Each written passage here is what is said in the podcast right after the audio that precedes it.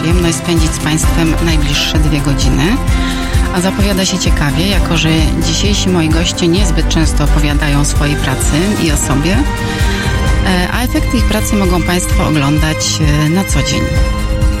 Dziś będziemy gościć e, fotografów, fotografkę i będziemy rozmawiać o fotografowaniu polityków i wydarzeń politycznych.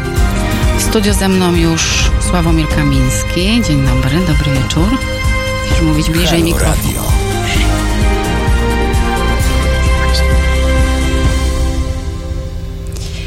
A po Sławku przyjdą do nas Jacek Turczyk, były fotoreporter Polskiej Agencji Prasowej i Agata Kubis, fotografka streetowa pracująca m.in. dla Okopres.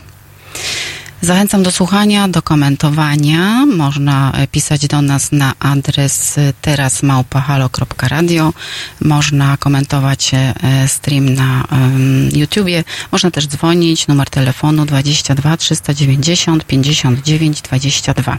Zanim jednak, Sławek tu się już denerwuje, ale zanim zaczniemy rozmawiać o tych politykach, bo to jest najciekawsze dla mnie również, to chciałam Państwu powiedzieć i, i zaprosić do wsparcia, ponieważ Halo Radio jest medium obywatelskim i jako prawdziwe medium obywatelskie postanowiło wysłać e, swojego dziennikarza e, do Syrii i zbieramy e, pieniądze na to. Wiktor Bater wybiera się do Syrii. Na portalu zrzutka.pl trwa zbiórka. Bardzo zapraszamy. Nie ma tam żadnego polskiego dziennikarza, więc fajnie, żeby wreszcie któryś się pojawił. Jest to niebezpieczne, ale zapewniamy, że zapewnimy Wiktorowi absolutne bezpieczeństwo. Wesprzyjcie jego i wesprzyjcie e, medium obywatelskie. A teraz przechodzimy już do fotografii. Sławek, e, pracujesz w Gazecie Wyborczej od 91 roku, więc już prawie 30 lat, tak?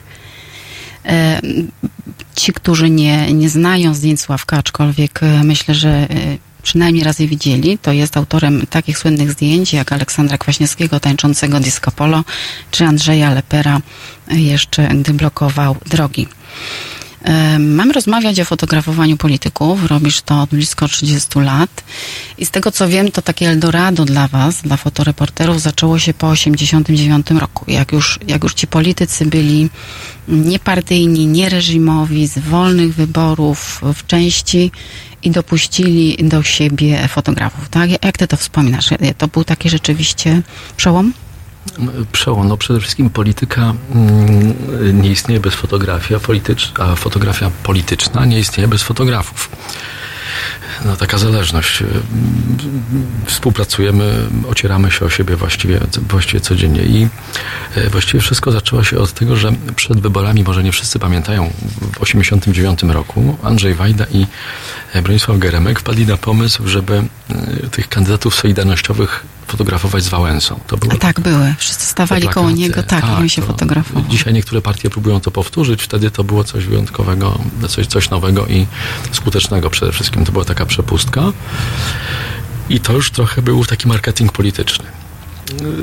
Coś, co, co potem coraz bardziej się rozwijało i tak jak, jak e, wspominaliśmy, te Eldorado zaczęło się tak naprawdę przy e, kampanii Aleksandra Kwaśniewskiego. To, to była taka pierwsza moja duża kampania i bardzo skuteczna, to, to powstawało na moich oczach. Właściwie byłem zaskoczony i nie tylko ja, właściwie obywatele, czy, czy specjaliści od polityki, czy dziennikarze. Było to coś bardzo nowego. Kandydat pojawił się w granatowej, w błękitnej koszuli, był piękny, odchudzony, opalony, miał e, bus z własnym wizerunkiem, jeździł po kraju. Dopiero po latach okazało się, że to mm, no, wyjątkowo wybitny mm, PR-owiec z Francji poprowadził tą kampanię, która, która była skuteczna. Czyli, czyli to Aleksander Kwaśniewski wprowadził taki jak gdyby współczesny model, tak? On jako pierwszy. A, a powiedz mi, mm, jak to było, ci, czy ci politycy wtedy, bo oni wszyscy byli nowi, ten, ten, ten, ten Sejm był nowy, ty też byłeś e, tak. jednym z młodych wówczas e, fotoreporterów.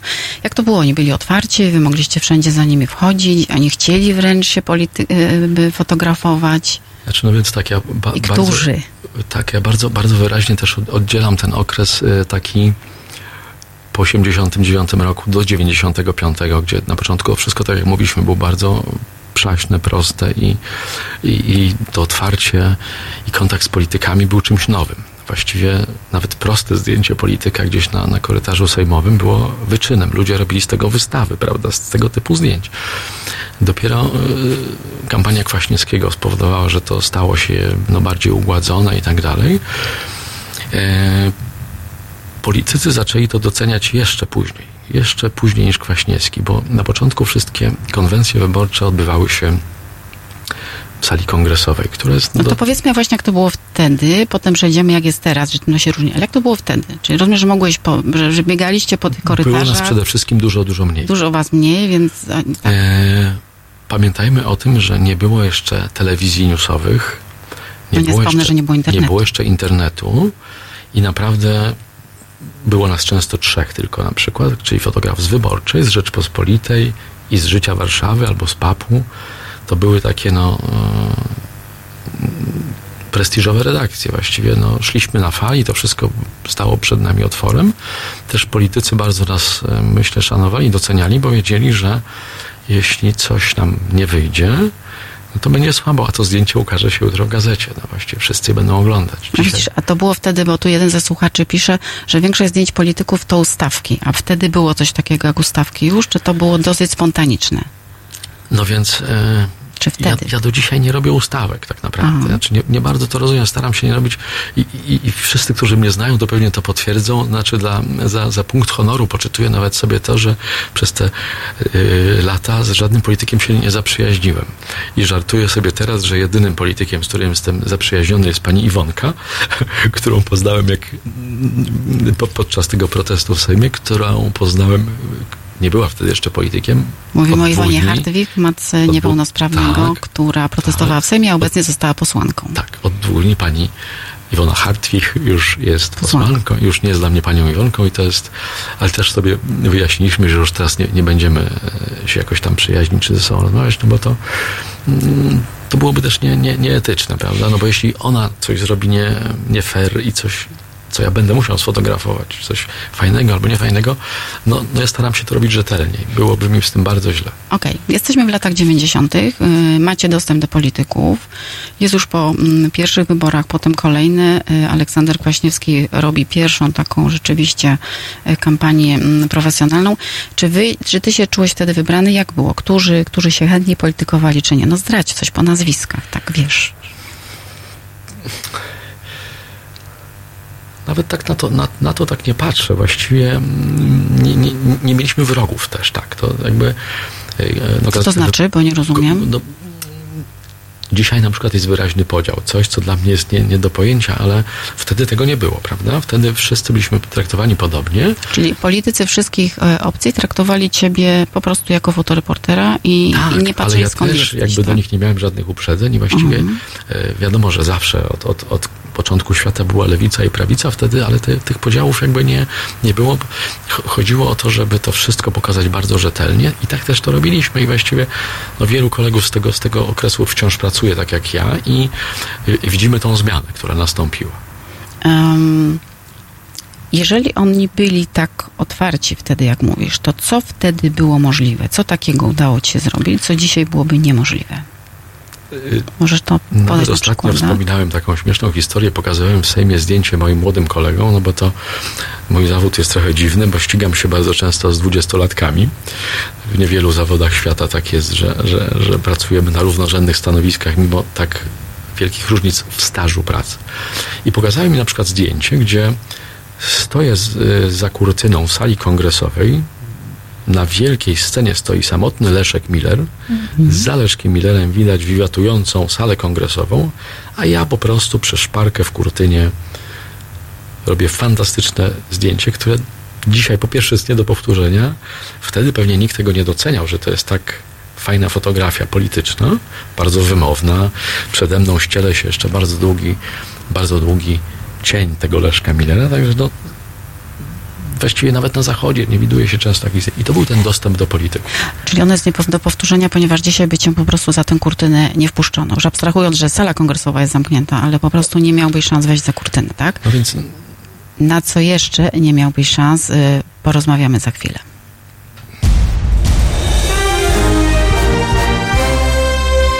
Środę między 17 a 19 przewodniczący Związku Zawodowego Związkowa Alternatywa Piotr Szumlewicz o prawach pracowniczych, ich łamaniu i wspólnej walce o lepsze jutro. 17-19. www.halo.radio. Słuchaj na żywo, a potem z podcastów.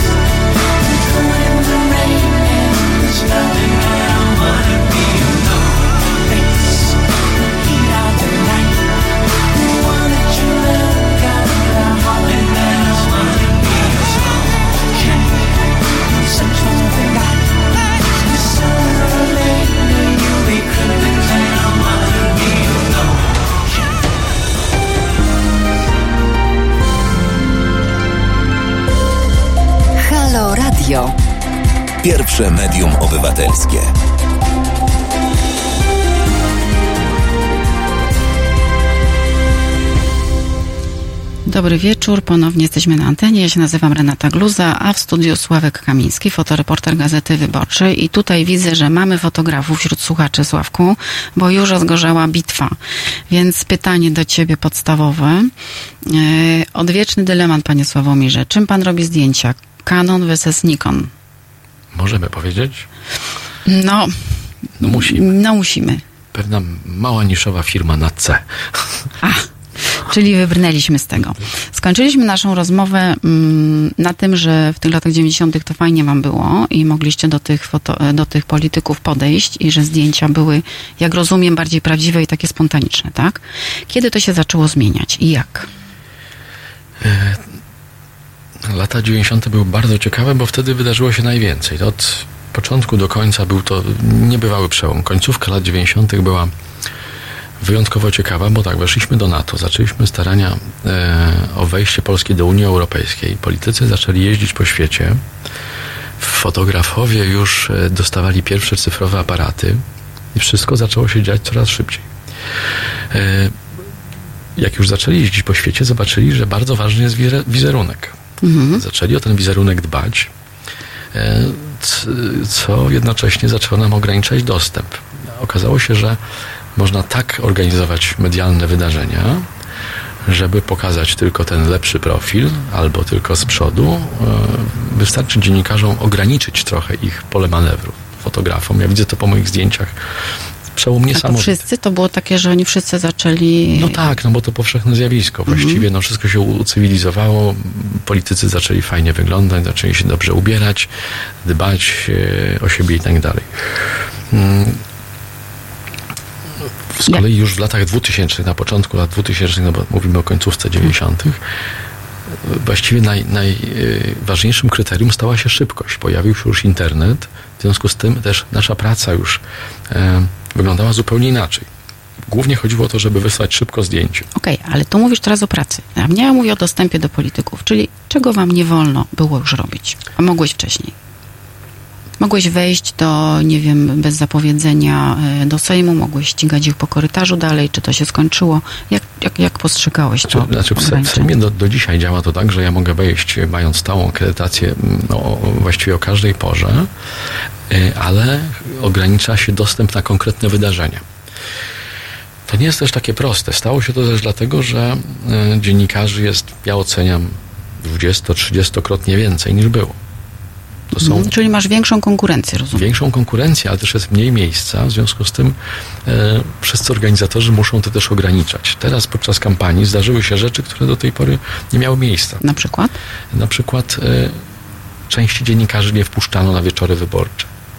Z powodów czysto też praktycznych i z powodów bezpieczeństwa, bo było już tak dużo ludzi, że no nie, nie można, no, ten, ten sztab wyborczy nie rozciągnie się nie z gumy, mogło być po prostu niebezpiecznie.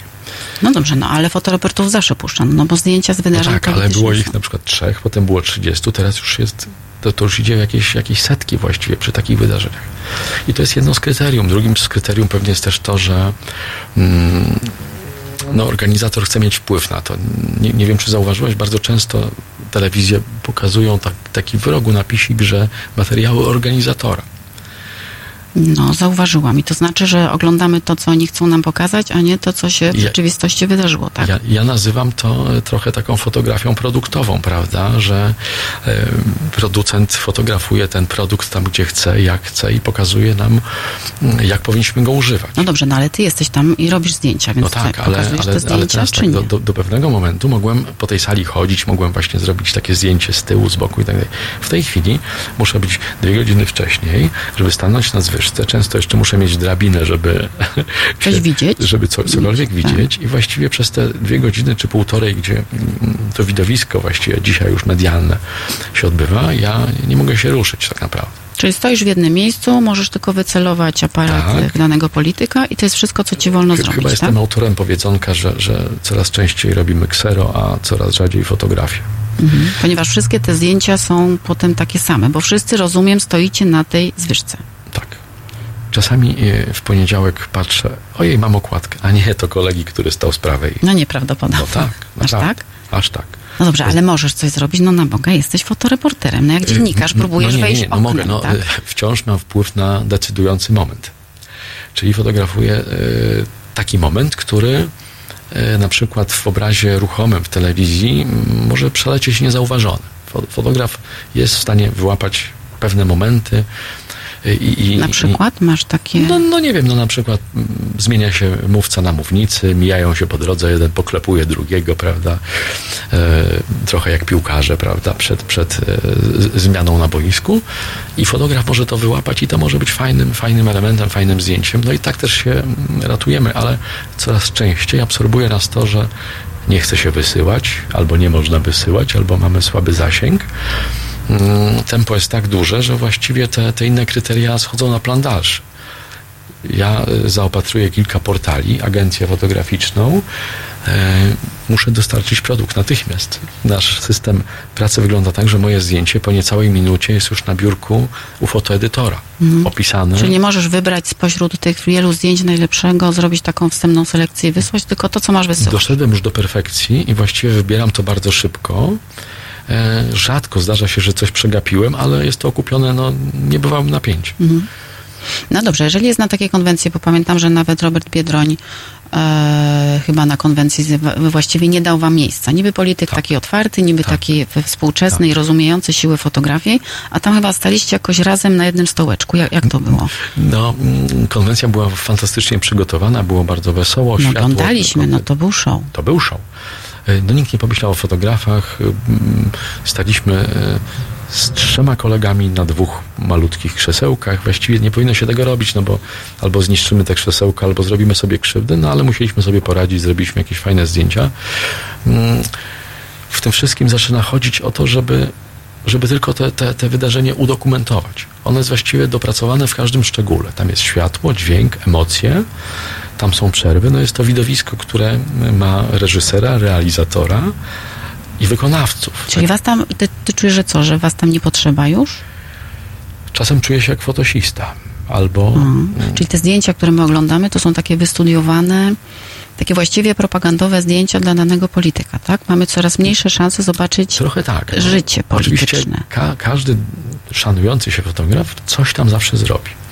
Jakby nasze doświadczenie pozwala nam, czy pomaga nam coś, coś zawsze zrobić, coś e, między wierszami, mówiąc w dużym uproszczeniu. I czasami są fantastyczne rzeczy, właśnie te e, momenty e, decydujące, właściwie ciekawe i tak dalej, ale mm, łapiemy się też na tym bardzo często, jak widz, który widzi to wydarzenie i mówi, Boże, jak tam fajnie.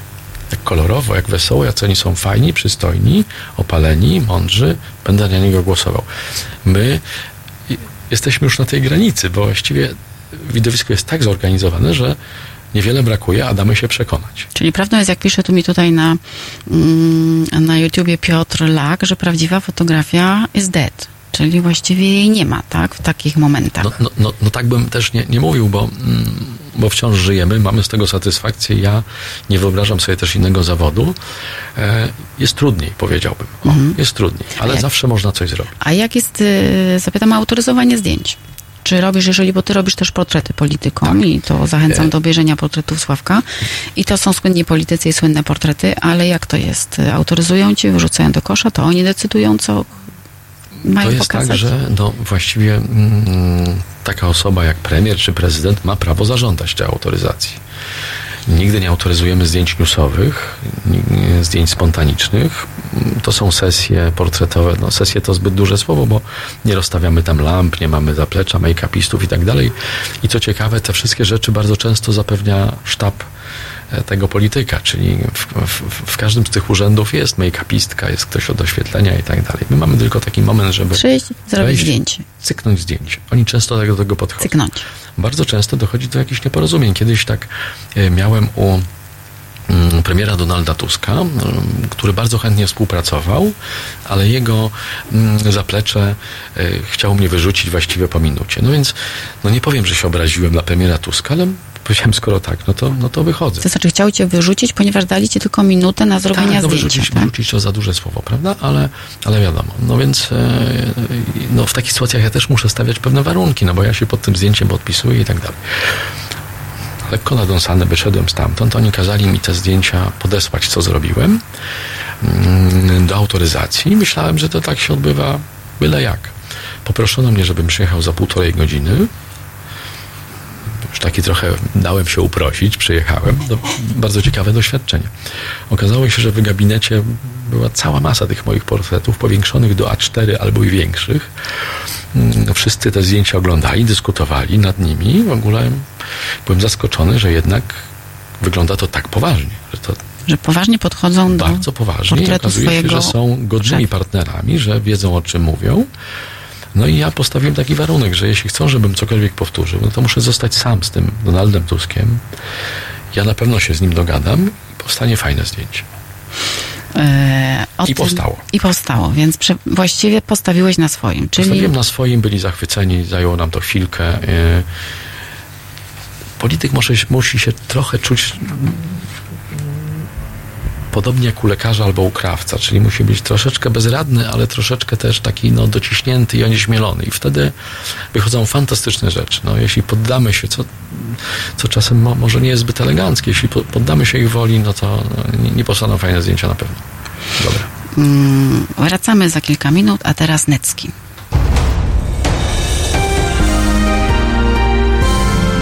We wtorek. Od 21 do 23 telefony od państwa odbiera Radek Masłowski. Rozmowa, dialog, zrozumienie i żadnej agresji.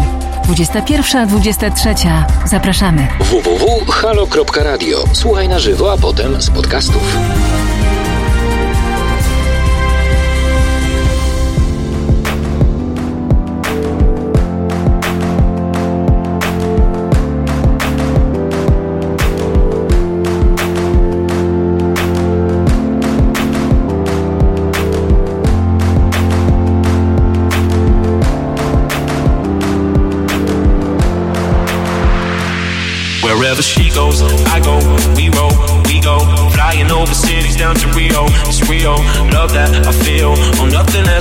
But I'm down for the minute, so just chill. Wherever she goes, I go, we roll, we go. Flying over cities down to Rio, it's Rio. Love that I feel. Oh, nothing lasts forever, but I'm down for the minute, so just chill.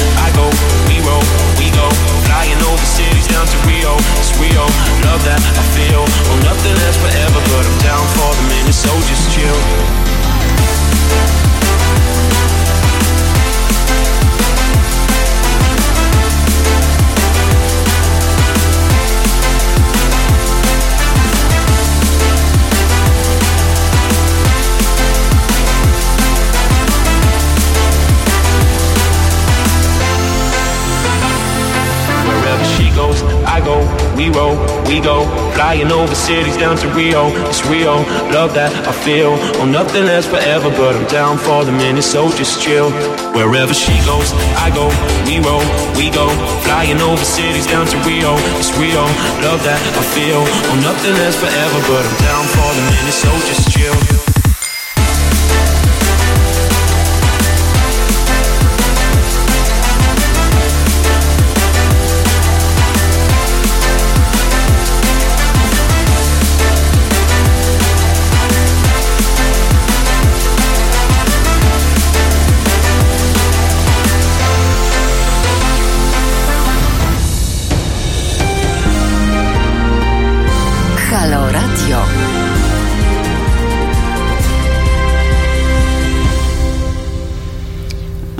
Dobry wieczór Państwu. Jesteśmy z powrotem na antenie. Ja się nazywam Renata Gluza. W studiu Sławek Kamiński, fotoreporter Gazety Wyborczej. Rozmawiamy o fotografowaniu polityków. Jest godzina 19.31. Zachęcam do komentowania, bo tutaj się aż gotuje na YouTubie. Jest dyskusja na temat jakości fotografii i używanego sprzętu. Tego Ci oszczędzę, ale nie oszczędzę Ci, Sławku, jednego pytania. Fotograf prasowy musi robić zdjęcia ekstremalne, typu głodne dzieci, wypadki samochodowe, bo wtedy to ma największą oglądalność. Jak Pan sobie z tym radzi? Pyta Skiny Papi. Trudne pytanie, ale e, aparat jest taką szybą, która nas oddziela od rzeczywistości. Miałem kilka takich sytuacji. E, bez aparatu na pewno nie mógłbym patrzeć w tym kierunku. Chociażby byłem przy operacji, którą wykonywał profesor Religa, albo mm, byłem w ubojni bydła, albo byłem na przykład e, no, no w różnych ekstremalnych sytuacjach, gdzie właściwie bez aparatu czułbym się bezradny jak dziecko i też byłbym obywatelem. To też Znaczy, to było tak drastyczne, tak? tak drastyczne i e, aparat jest taką szybą, taką, takim kloszem, który nas oddziela od tego wszystkiego i no, jesteśmy też po to, żeby pokazywać to dalej. To, to nie jest ani nasza zła wola, ani jakaś hienowatość. Chodzi o to, że no, jeśli się gdzieś znaleźliśmy, e, czy to jest dziennikarstwo obywatelskie, czy taki obieg oficjalny, no, naszym obowiązkiem jest pokazywanie tego i fotografowanie. Jesteś autorem zdjęcia, które wygrało konkurs Grand Press Photo w tym roku. To jest y, słynne zdjęcie zrobione podczas protestu mm, rodziców osób niepełnosprawnych w Sejmie. Y, Iwona Hardwig, jedna z, z matek y, takiego dziecka, starała się y, tam tam jest taki moment walki strażnika, który próbują odepchnąć od okna, gdzie ona chce wywiesić baner informujący o tymże strajku. Zdjęcie pokazujące zwarcie właściwie władzy z takim bezbronnym obywatelem, ale też zdjęcie pokazujące faceta, który po prostu walczy z kobietą. I ty stoisz naprzeciwko i jej nie pomagasz. Tylko fotografujesz. E, czu- Czułem się wtedy strasznie. W ogóle nie, nie do opisania, w ogóle do, do dziś się wzruszam, nawet odbierając nagrodę. Za to zdjęcie nie byłem w stanie wydusić siebie słowa, chociaż jestem gadułą. I to było coś nieprawdopodobnego. E, ta sytuacja trwała dobrych kilkanaście minut. Staliśmy tam, ja obserwowałem tych ludzi. Stało 30-40 zdrowych facetów, dziennikarzy, którzy no, mogli tą kobietę obronić, no, ale jednak nikt nie zrobił tego ruchu. Wciąż byliśmy dziennikarzami. Nie możemy też. mm, Nikt oczywiście tego nie żałował, ani też nikt nie, nie poczuł się z tym źle. No i ja, ja no, no, no byłem oczywiście facetem mężczyzną, ale jednak fotografem, jednak facetem, ale z aparatem, który jednak musi sfotografować to, co, to, co się dzieje. Na tym zdjęciu uważny odbiorca zobaczy jeszcze rękę Kuby, który Tego uderza syna. w plecy tego strażnika, czyli syna pana, pani Iwony, chłopca e, chorego, chłopca na wózku inwalidzkim od dziecka, który broni tej matki. Nikt z nas e, w tym proteście się nie zaangażował. Nie, czu- czuliśmy się z tym bardzo źle, bo właściwie wszyscy czekaliśmy na jakiś ruch, na coś, co się wydarzy, czyli na wydarzenie, na przemoc właściwie. E, To nie jest też taka wartka akcja jak na demonstracji, gdzie nagle poleci petarda albo kamień. Nie, tutaj to zwarcie trwało chyba z 17 minut, o ile ja pamiętam. I wszyscy czekaliśmy no, na taką kulminację. To nieprawdopodobne. Fatalnie się z tym wszyscy czuli, ale też nikt, No jak- e, jak- dorośli faceci, płakaliśmy po tym wszystkim. Niektórzy wtedy pomyśleliby pewnie, że jesteście takimi sępami, prawda? No właśnie nie. Ja, ja się właśnie nie, nie czułem sępem, ale czułem się z tym bardzo źle. Nie, nie potrafię też tego wytłumaczyć, ale wielu kolegów płakało jak dzieci. Mi tam no, łezka tylko poleciała trochę, ale, ale i łamał mi się głos, ale rzeczywiście było to dramatyczne wydarzenie, bo widzieliśmy, że ci ludzie są bezradni w ogóle e, właściwie od zawsze. No, nie zajmują się tymi dziećmi, mają tysiące problemów, no i też tak zostaje potraktowani. No, przeżycie nie bywało. Ty byłeś tam z nimi wiele dni. I z tego co wiem, to nie zawsze właśnie podnosiłeś aparat i nie fotografowałeś wszystkich sytuacji i nie chciałeś tego wszystkiego pokazać, wyznaczyłeś sobie jakąś granicę. To przecież ważne wydarzenie polityczne, pokazujące, y, jak obywatel jest traktowany przez władzę w jej właściwie y, siedzibie. Tak. A jednak nie zawsze z tego co wiem podnosiłeś aparat. Dlaczego? Chodziłem tam właściwie codziennie, na początku z ciekawości obowiązku, potem okazało się, że tylko ja w redakcji mam stałą przepustkę do Sejmu i tylko mi nie można zakazać, bo potem zostały zablokowane przepustki takie czasowe, jednodniowe i tak dalej, więc na te 40 dni nie byłem tylko raz. Nie byłem tam jednego dnia. E, od początku mm, no nie, fotografu- nie fotografowałem tych wszystkich czynności fizjologicznych, higienicznych i tak dalej. No to są chore dzieci, właściwie już nie dzieci, często, często dorośli, właściwie to, to, to, to osoby dwudziestokilkuletnie nawet. E, no jakby no nie, nie, nie, nie mogłem sobie na to pozwolić, no to bardzo intymne e, sytuacje i tak dalej. W związku z tym, że tego nie fotografowałem, też bardzo zyskałem zaufanie tych osób ale też nigdy tego nie nadużywałem. To ba bardzo fajna re relacja, bo y, oni mi ufali, ale wiedzieli, że ja też niczego złego nie, nie zrobię. Zdarzali się koledzy, ku mojemu zaskoczeniu, którzy też nie mieli okazji zżyć się z nimi, nie, nie przychodzili tam codziennie, tylko na przykład w ciągu tych 40 dni byli dwa razy. W związku z tym dochodziło często do takich rzeczy, że oni chcieli zrobić jak najlepsze zdjęcie i e, właśnie robili jakieś tam zdjęcia, no takie których robić się nie powinno. Dochodziło do awantur. Znaczy rozumiem z jakichś intymnych sytuacji, Bardzo tak? intymne, no ubieranie mm. tych dzieci, mm. czy mhm. mycie, mm. czy, mhm. czy jakieś przebieranie. W związku z tym ci rodzice rzucali się na takiego fotografa, wyrzucali go stamtąd. Ja często byłem negocjatorem, no bo mnie już tam znali i, i, i tłumaczyłem też fotografowi, że no nie można takich rzeczy robić, bo tak naprawdę nie o to w tym proteście chodzi y, jakoś tam starałem się też u, u, udobruchać tych rodziców, żeby zrozumieli, że on jest tu pierwszy raz i, i, i, i tak dalej. E, no bardzo, bardzo zżyłem się z nimi, chociaż się nie zaprzyjaźniłem, bo... No bo nie taka była twoja rola. Tutaj moja rola, no. muszę ci powiedzieć, że bardzo słuchacze mm, dyskutują to, co mówisz, wiesz, to znaczy jest taka mm, dyskusja polegająca na tym, czy ty powinieneś wtedy rzeczywiście pomóc y, i odłożyć ten aparat, czy nie. I i tutaj mm, wytłumaczę, Sławek właśnie mówił przed chwilą, że no nie to jest, nie na tym polega zawód fotoreportera, że on niestety musi wytrzymać takie sytuacje i, i robić wtedy zdjęcie, bo jak pisze jeden tutaj ze słuchaczy, że bardziej tym zdjęciem tym ludziom też e, pomogłeś. To jest, proszę Państwa, odwieczny dylemat e, i dziennikarza i fotoreportera, gdy widzi taki moment, podczas wojny, czy w jakiejś takiej właśnie trudnej sytuacji, czy ma się zachować profesjonalnie, bo on tam jest w imieniu państwa, no, czy też powinien y, się zaangażować. Więc rozumiem, że ty stałeś mm, na takim stanowisku, żeby się nie naangażować, aczkolwiek y, no, to jest, gdyby tam byli, nie wiem, fotografowie typu paparazzi, to pewnie, e, to pewnie po prostu e, też by się nie angażowali, robiliby zdjęcia jeszcze bardziej je sprzedawali na tak, prawo i tak. lewo, prawda? Bo tutaj też słuchacze podsuwają, że tak pracują paparazzi. To wytłumacz, że tak pracują paparazzi, czy nie? Jak to jest ty, jako fotoreporter polityczny kontra paparazzi?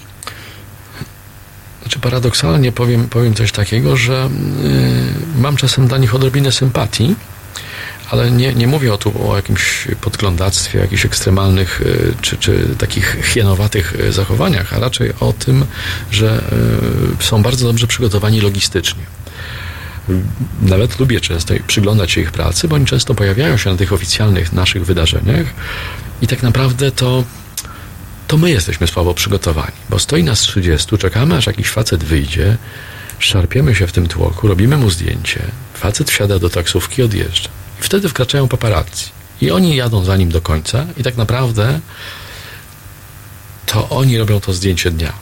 Byłem świadkiem właśnie, jak staliśmy kilkanaście godzin chyba, albo kilka, no kilka godzin podpisem wezwany został Bartłomiej Miśkie, Misiewicz, asystent e, ministra Macierewicza. Wsiadł i odjechał. paparazzi pojechali za nim do końca. Pojechali z nim pokazali światu, że on po tej całej awanturze i tak pojechał do Monu, wszedł do swojego gabinetu Naprawdę? Tak. i usiadł przy biurku. I naprawdę duży szacun za to, że oni e, no, są bardzo dobrze przygotowani logistycznie, podobnie jak sesja e, prezydenta Obamy na siłowni. No to, to są bardzo duże rzeczy. Oczywiście no, nie można być hieną, nie można być jakimś takim potworem, który dla pieniędzy zrobi wszystko, ale w paparazzi, w tej fotografii politycznej naprawdę ro, robią to bardzo profesjonalnie. Nie bronię, nie pochwalam, ale są przygotowani. Bywają lepsi z tego, co Bywają inni. inni. Mhm. E, Króciutko jeszcze mamy y, by- dokładnie 20 sekund. Fotografowie dworscy, bo coś takiego się pojawiło, tak? Wytłumacz, na czym to polega? No teraz Króciutko. każdy, każdy urząd, każdy prezy, prezydent, premier, mi- minister ma osobistego fotografa. Jest to nie, niebywałe w ogóle zjawisko. Bardzo często jest tak, że na jakieś wydarzenie wchodzą tylko ci osobiści. Jest ich często więcej niż nas, tych oficjalnych. Y, No to są ludzie, którzy no, ym, pracują po prostu w propagandzie, tak? No, no taką mają pracę. I wy z nimi nic wspólnego mieć nie chcecie. No nie chcemy, no to, to, to jest chyba najgorsze, co może być dla fotografa czy dla fotoreportera, kiedy fotografują tego, kto im płaci. Bo to jest taka relacja. Stąd ta dworskość. No dla mnie rzecz nie, nie, mm, trochę nie do, do zaakceptowania. E, Sławek, bardzo Ci dziękuję. Mam Dziękuję nadzieję, że bardzo. rozbudziłeś apetyty, y, słuchaczy na rozmowę o fotografii politycznej, ale my oczywiście cały czas zostajemy w temacie. Będzie można wysłuchać tej rozmowy na podcastach. Mm, One są dostępne już na Spotify, na Google Podcast, na Apple Podcast i naprawdę na wielu platformach, więc zachęcam do ściągnięcia. Sławek, bardzo dziękuję, a teraz Natalia Przybysz. Dziękuję bardzo.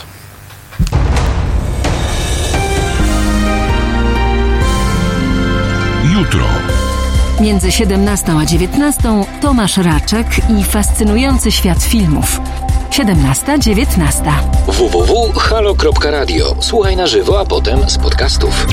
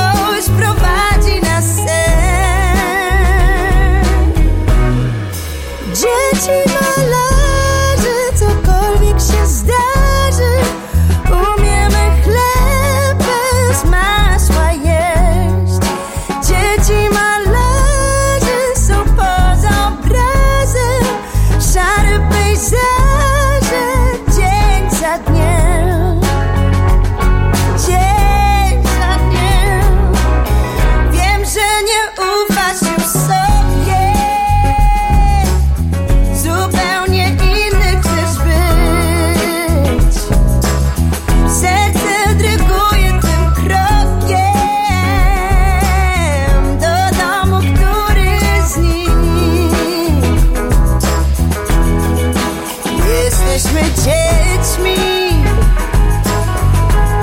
co chcą na ręce. Jesteśmy dzielni, wciąż prowadzi nas sen. Dzieci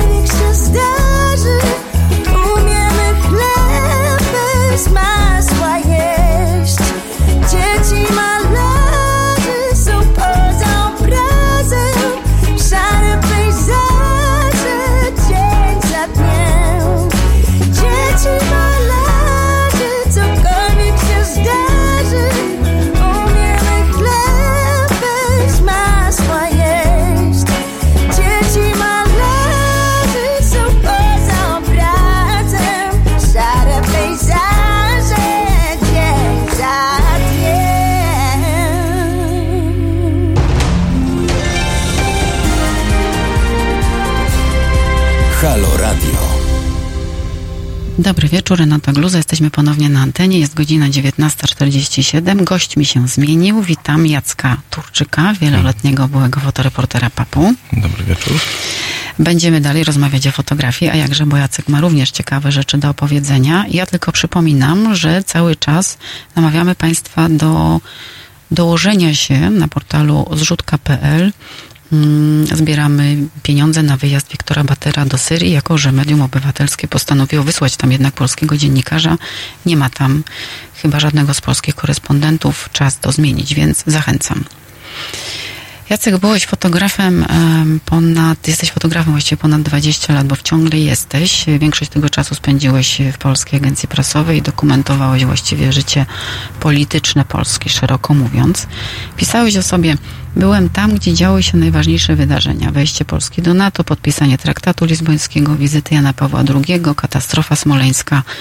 Towarzyszyłeś kolejnym prezydentom podczas ich wizyt zagranicznych. Aleksandrowi Kwaśniewskiemu, Lechowi Kaczyńskiemu, Bronisławowi Komorowskiemu i Andrzeju Dudzie. Dziś już w papie nie jesteś, o czym za chwilę. A ja chciałam o tych prezydentów zapytać, to którego ci się najlepiej fotografowało?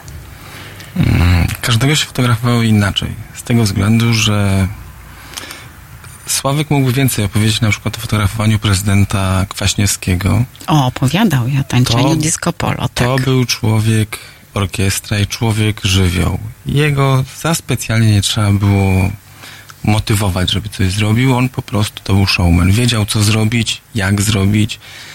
Jak byliśmy gdzieś na jakichś oficjałkach, to nigdy nie było tak, że na przykład z kimś się witał plecami do nas. No, wiedział, do czego służy obraz, wiedział, jak pokazać się. W związku z tym zawsze coś, coś fajnego z takich e, nudnych sytuacji jak shake hand, coś fajnego zawsze można było sfotografować, bo on zawsze z tymi ludźmi był w takich jak net, znaczy no był w takich bardzo przyjacielskich relacjach. W każdym razie tak to wyglądało. No właśnie to wyglądało, czy on tak odgrywał? Czy to było takie mm, to trudno mi powiedzieć, czy on z tymi wszystkimi ludźmi potem wieczorami siedzieli i oglądali filmy do rana, Mhm. czy, czy to było tylko na pokaz, no bo tego nie wiemy. No w każdym razie było tak, że to był ten typ polityka, że mm, po pierwsze y, był i tu, tu, tu kwestia tak naprawdę to kobiety się powinny powiedzieć, ale był przystojny i wiedział, jak to wykorzystać. To znaczy chyba fotografowie wiedzieli, jak to wykorzystać. Nie, on wiedział, jak to wykorzystać. Aha. To nie było tak, że stawał y, gdzieś. No, zawsze był wyprostowany, zawsze był pewny siebie, to było widać, że z Jeżeli niego słuchają bije nas przyszli prezydenci, to panowie bądź Z pani niego wyprostowani. biła siła. Z niego biła siła, to nie był człowiek, który chodził, rozglądał się, szukał się kogoś, kto go tam pokieruje. Y, Był spontaniczny. Ja pamiętam czasem mm, różne takie jego dziwne zachowania, ale jak był y, oficjalna wizyta na Ukrainie, już wracaliśmy jakoś, wracaliśmy na, na lotnisko i w pewnym momencie cała kolumna z trasy już jak zjechała z góry tam z Majdanu i z Kijowa, bo w Kijowie byliśmy, zjechaliśmy na dół, już jechaliśmy wzdłuż rzeki, nagle skręciła, zawróciła i wzdłuż rzeki pojechaliśmy gdzieś tak zatrzymać się. Dziwna sytuacja, bo tego nie było w programie. Prezydent wysiadł, poszedł sobie tak z tą swoją grupą ludzi, grupą ministrów przejść się wzdłuż brzegu rzeki i akurat była taka sytuacja, że tam sobie robili zdjęcia, młoda para sobie robiła zdjęcia. On do nich podszedł, pogratulował im. E, nie pamiętam, ale z tego co z tego co próbuję przypomnieć, to jakiś banknot dolarowy im dał w prezencie, zrobił sobie z nimi zdjęcie, przybił piątkę i pojechał. Szczerze powiedziawszy, to była sytuacja tak spontaniczna i tak niezwykła, że wszyscy byliśmy w szoku. A Nie- zdążyliście zrobić wtedy zdjęcie? nie no tak, oczywiście, Mhm. bo on tak swoją drogą też jeszcze czekał na nas.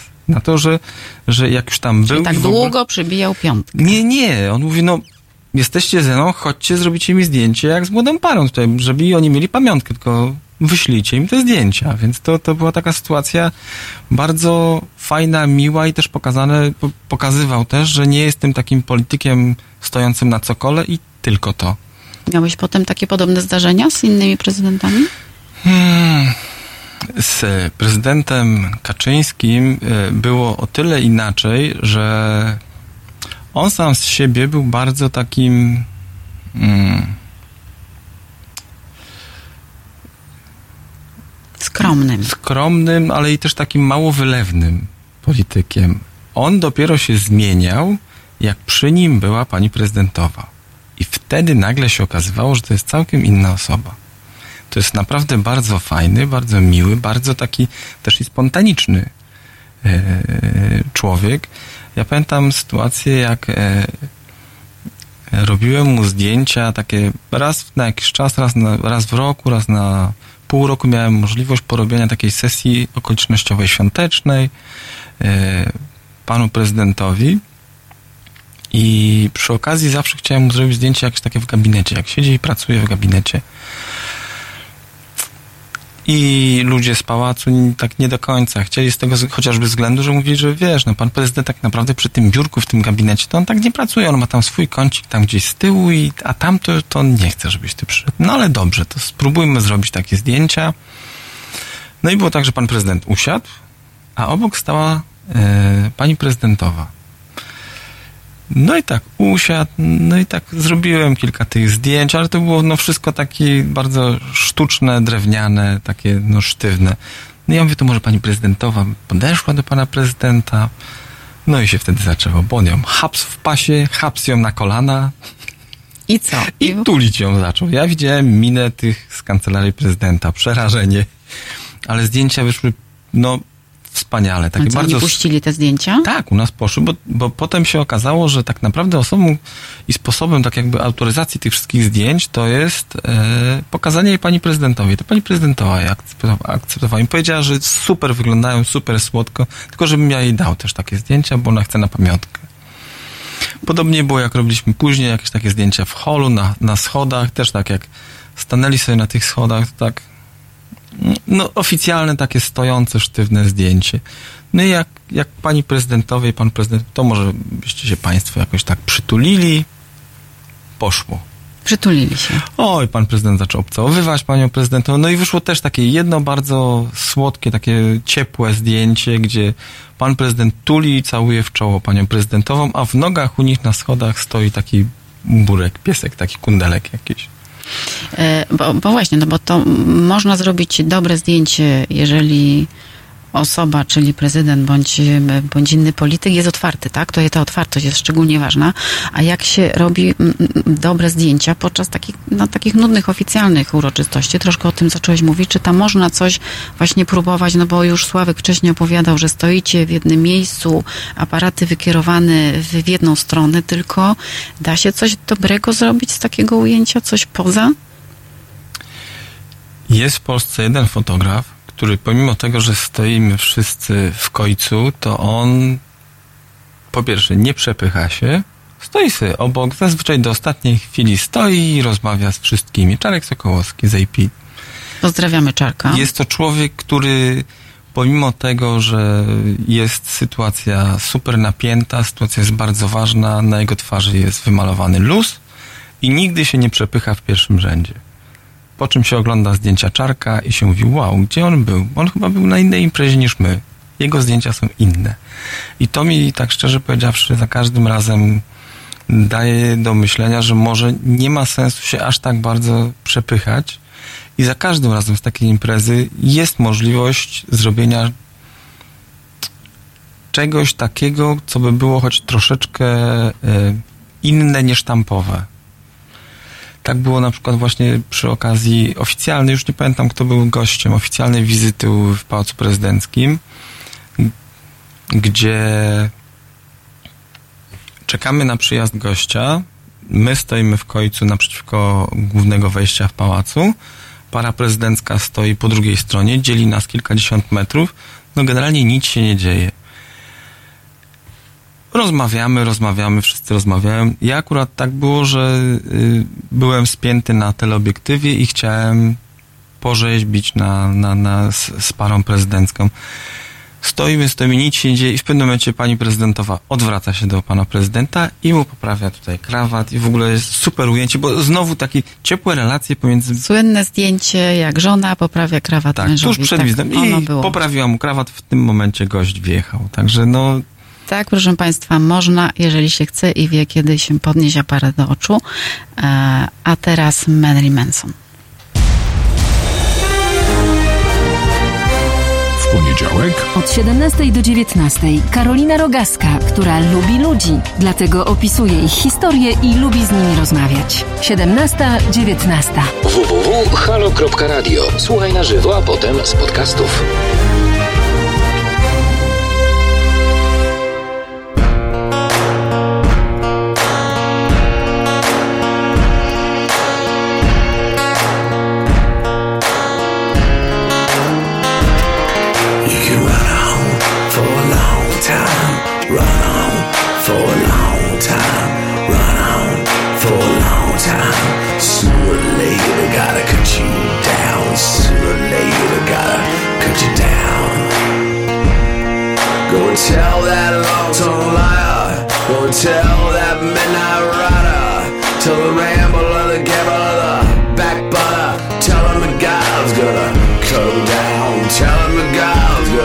Him down.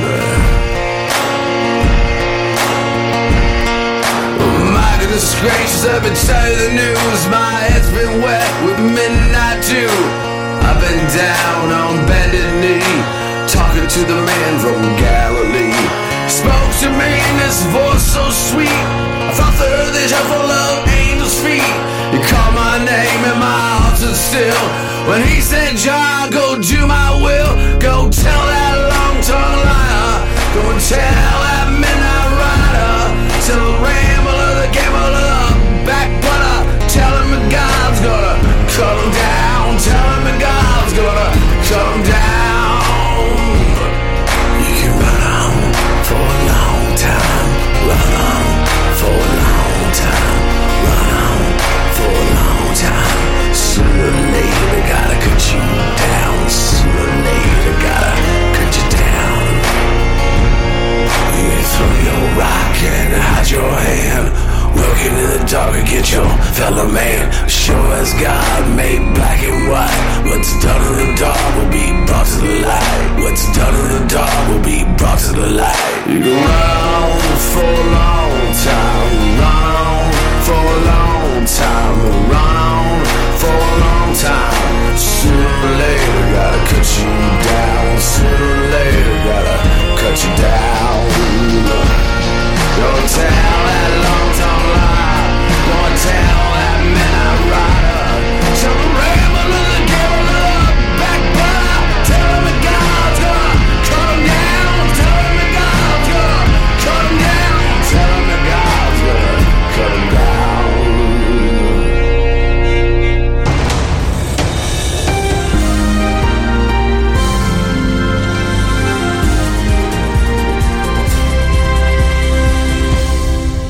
Wybiła godzina 20. Renata Gluza. Jesteśmy ponownie na antenie w studiu. Jacek Turczyk, y, wieloletni fotoreporter, ostatnio w Polskiej Agencji Prasowej. Rozmawiamy o fotografowaniu polityków, polityki, wydarzeń politycznych. Mm, Jacek, y, mm, opowiadaliśmy dotychczas y, o tym, jak się fotografuje wydarzenia, które się dzieją, ale wiem, że przed tą główną kulminacją wydarzenia nie wiem, spotkanie polityczne, jakiś zjazd. Ważne są też te didaskalia, które często wy obserwujecie i że ten news może być tak naprawdę przed albo po tym wydarzeniu. I chciałam tutaj no, nawiązać do, do, do Twoich słynnych zdjęć, do ważnego wydarzenia, jakie obsługiwałeś, czyli mm, katastrofy smoleńskiej. Ty zrobiłeś zdjęcie słynnej mgły. Tak, i to jest zdjęcie, które ja uważam, że zrobiłem zdjęcie w moim życiu najważniejsze. Możesz opisać, bo to jest po prostu Zdjęcie jest, lotnisko. zdjęcie jest banalne, bo to jest brama wjazdowa na e, lotnisko Siewiernej w Smoleńsku. Stoi grupka ludzi po jednej stronie bramy, po lewej stronie bramy, po prawej stronie bramy. Leniwie się przechadzają, patrzą w telefon, a w tle widać tam parę samochodów i mgłę. Tak generalnie całe zdjęcie wygląda. Zdjęcie dlatego jest dla mnie ono najważniejsze, bo to jest ten taki punkt, który mm, dla mnie, oczywiście ktoś inny oglądając to zdjęcie i, i całą tą historię tego, co się wydarzyło, może nie uznać tego za najważniejsze. Dla mnie jest to najważniejsze zdjęcie, które kiedykolwiek w życiu zrobiłem z tego względu, że to jest taki punkt e, w historii, powoje, w sumie powojennej historii Polski, a już na pewno ostatniego trzydziestolecia, bo do tego momentu mniej więcej e, Polska nie była tak pęknięta, jak jest w tej chwili. Od tego momentu, od dosłownie za chwilę, za chwilę, tuż za chwilę, za moment, wydarzy się coś, co sprawi, że ten kraj podzieli się raz na zawsze na jedną, dwie albo i więcej części.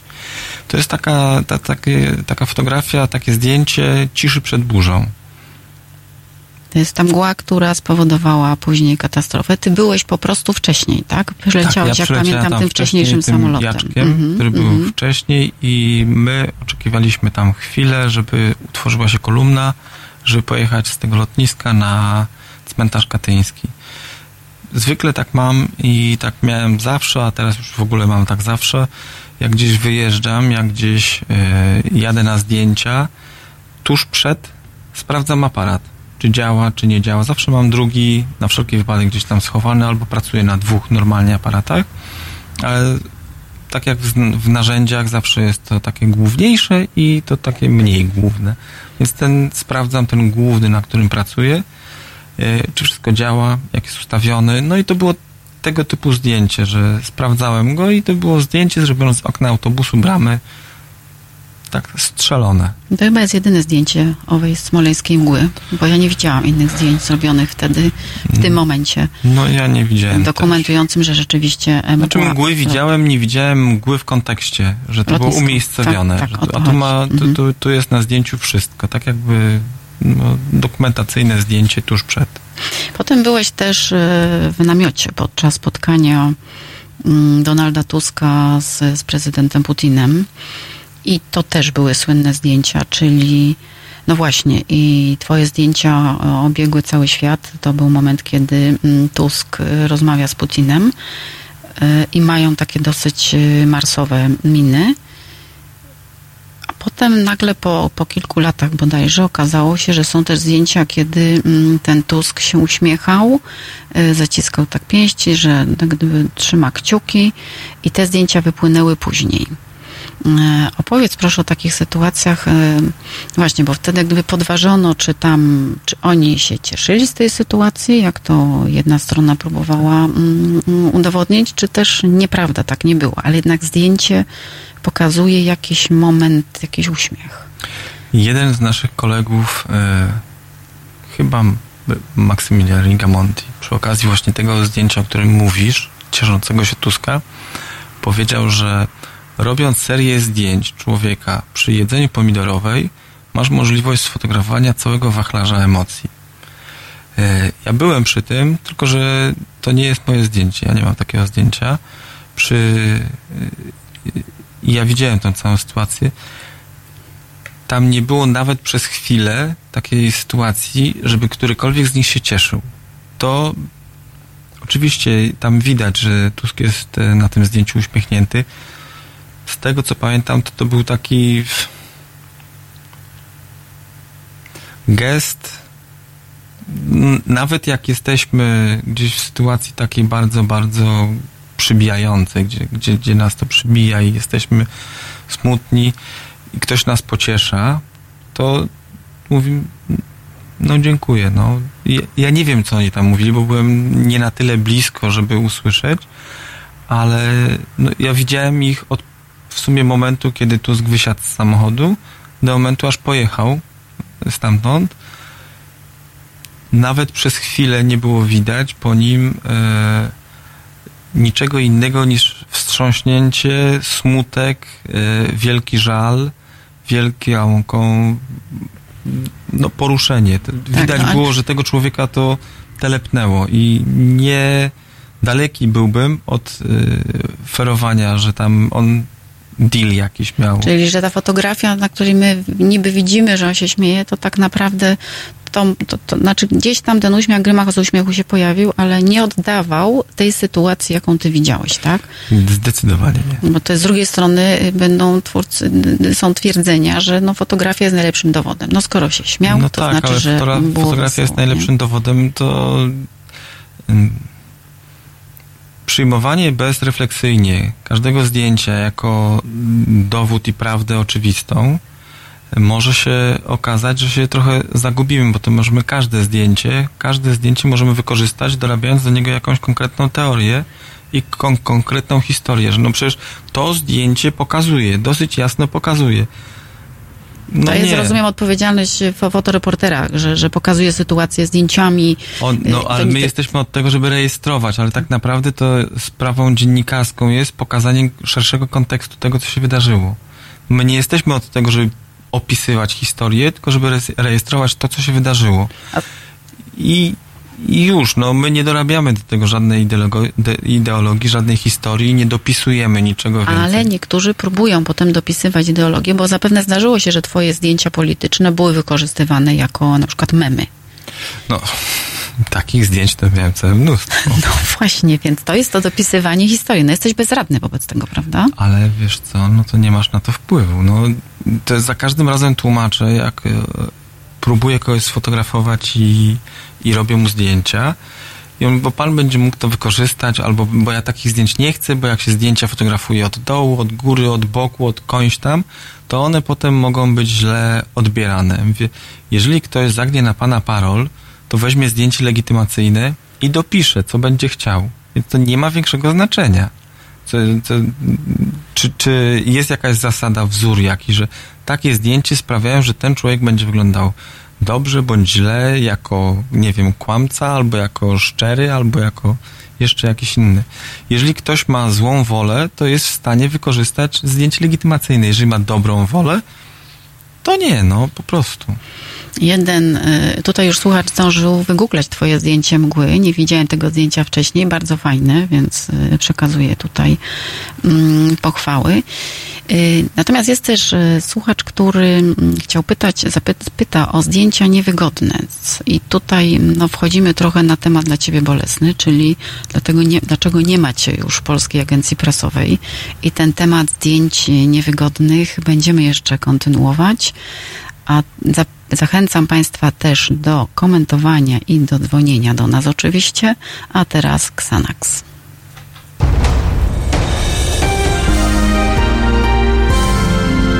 Jutro. Od 21 do 23 do świata swoich fascynacji dokumentalnych zabierze Państwa reżyser i aktywista obywatelski Konrad Szołański. 21, 23. www.halo.radio. Słuchaj na żywo, a potem z podcastów.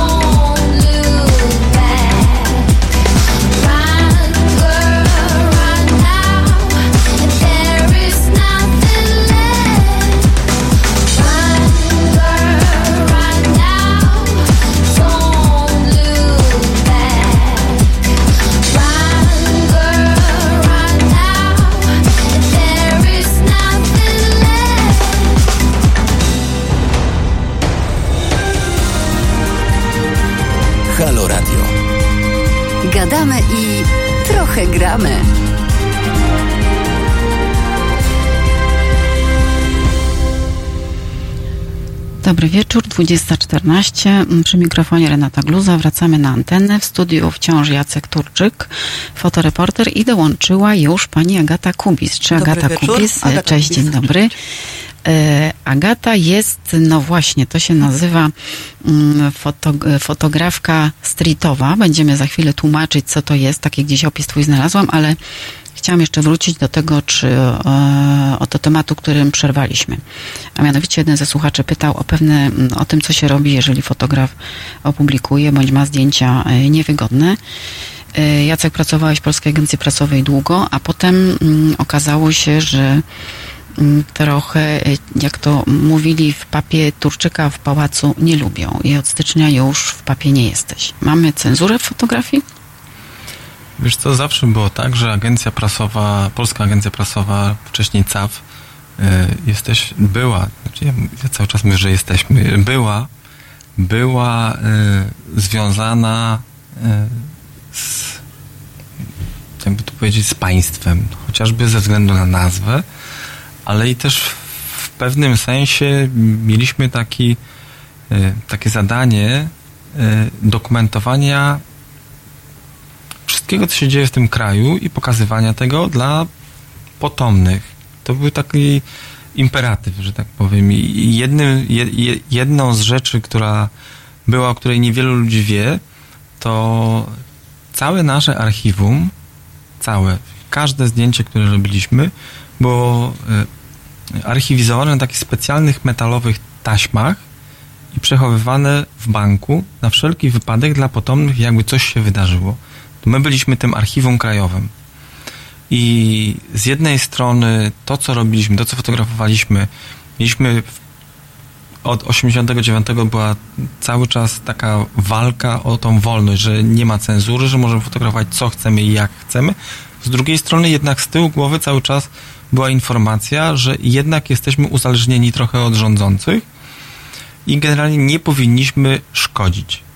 Od czasu, kiedy w firmie e, szefową została Anka Brzezińska, był kładziony nacisk, i to bardzo duży, na to, że to zdjęcie ma być dobre, a nie e, to, że ma być pokazany polityk na przykład tak, jak on sobie tego życzy. No i teraz wiemy, znaczy tak słyszałam, że od y, kilku lat y, w, w papie nie liczy się, żeby zdjęcie było dobre, tylko żeby było politycznie poprawne, tak? Teraz nie wiem, nie ma mnie tam. A za czasów jak byłeś, no odwołano cię z, z Marszu Niepodległości 11 Bo listopada. było zimno, żeby, żeby, A, żebyś żeby nie zmarzł. A, Tak. okej, czyli to była troska. Nie tak, nie, potrzebowałem. taki dostałem przekaz, że, że, że już mogę iść do domu, bo jest zimno i czy ja czy już, już powinienem iść. No ale ponoć były też telefony z kancelarii premiera, żeby nie wysyłać tam Turczyka. No, Z prezydenta. Z prezydenta, Ale to tak naprawdę to nie było związane z e, jakimś próbą cenzorstwa ze strony kancelarii prezydenta, tylko to były swego czasu animozje personalne niektórych osób co do mojej osoby. Chodziło generalnie między innymi o to, że e, to było nie do zrozumienia. Byłem bezideowcem. Za każdym razem tłumaczyłem, pracując w pałacu, że y, i to tłumaczyłem tym ludziom w pałacu i tłumaczyłem kolejnym nowym szefom, którzy przychodzili do agencji, że ja fotografuję urząd prezydenta, a nie osobę. I zrobię wszystko, żeby każde zdjęcie było jak najlepsze przy takich warunkach i takich możliwościach, jakie mi dadzą. To, to jakie było ich oczekiwanie? Że będę fotografował y, tak, jakbym był fotografem osobistym, czyli będę fotografował Żeby prezydent ładnie wyszedł. wszystko, żeby było dobrze. Na przykład zdjęcia, które, e, za które między innymi w presie dostałem nagrody pana prezydenta, no nie były odebrane zbyt e, dobrze. Że u nich by takie zdjęcie na pewno nie poszło. No, A co im się nie podobało? Że co, nie, nie wyszedł u- ładnie, czy w że sytuacjach na, była Nie, że taka, potem z której... tych zdjęć na przykład się robiło całe mnóstwo memów. No każdy widział zdjęcie, gdzie Ach, pan memogenne prezydent... były. Że pan prezydent jest, na przykład ma wsadzony miecz świetny w ręce. To było zdjęcie zrobione podczas mszy, kiedy łapał hostię. No to każdy A widział. nie dziw się, bo nie dziw się, że... No tak, ale wiesz, no, yy, no tak, no ale no, my nie jesteśmy od tego, znaczy nie byliśmy od tego, żeby yy, robić dobrze polityką, tylko my byliśmy od tego, żeby rejestrować i pokazywać potomnym, jak wyglądała obecna władza, jak wyglądali obecni ludzie i jak wygląda urząd. I naprawdę robiliśmy wszystko, żeby to, co pokazywaliśmy, żeby było jak najbliższe obiektywizmu i jak najbliższe obiektywność. Obiektywizmu czy obiektywności? Obiektywności. Obiektywności. No, potem wyjdzie, że fotograf mówić nie umie.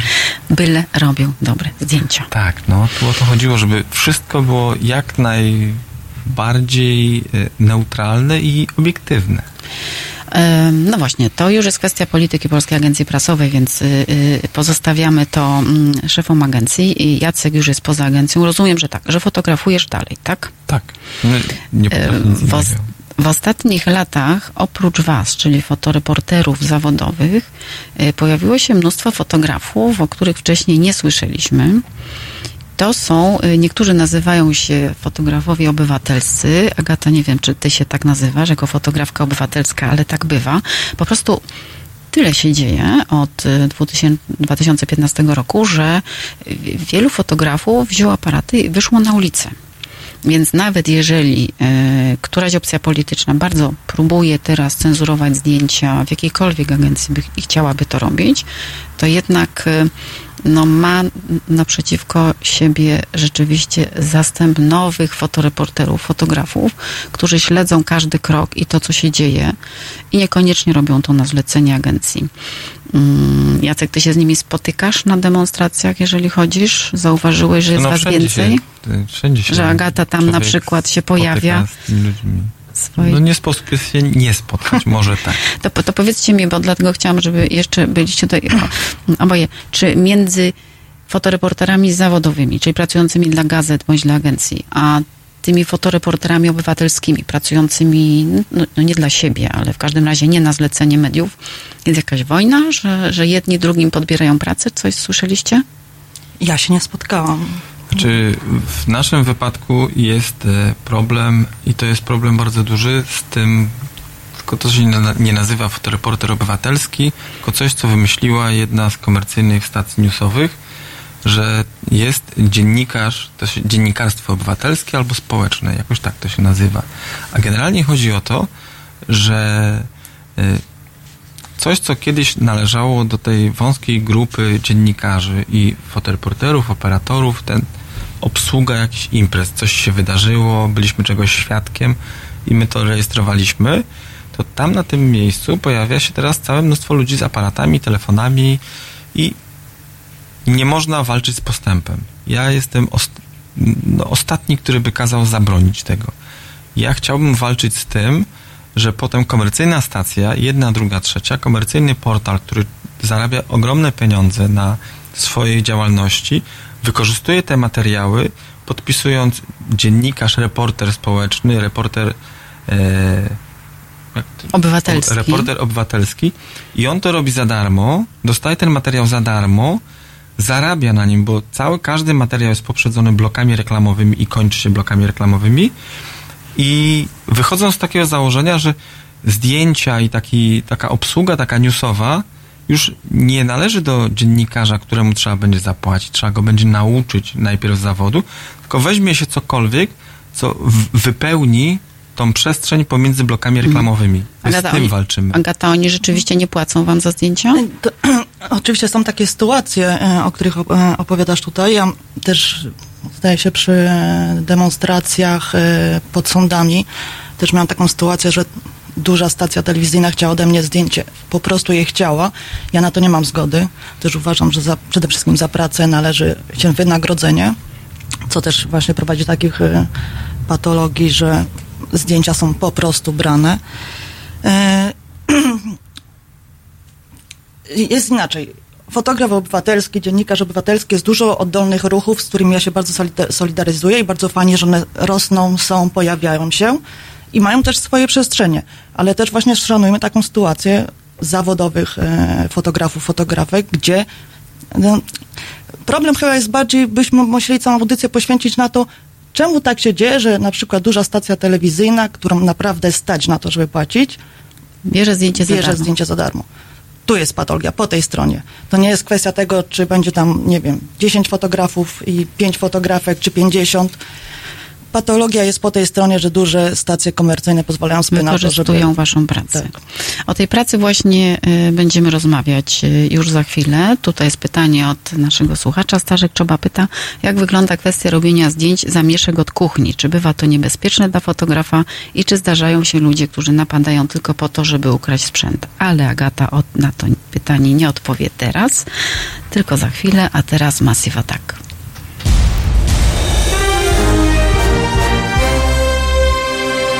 We wtorek. Między 17 a 19 Wiktor Bater, jego goście i państwo będziecie debatować o polityce międzynarodowej bez mainstreamowego zadęcia. 17-19.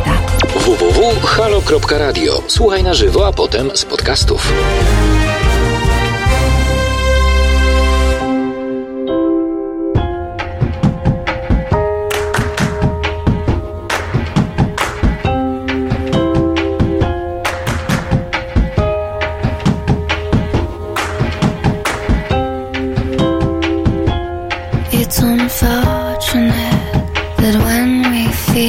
We can roll ourselves over because we're uncomfortable. Oh, where the devil makes us sin, but we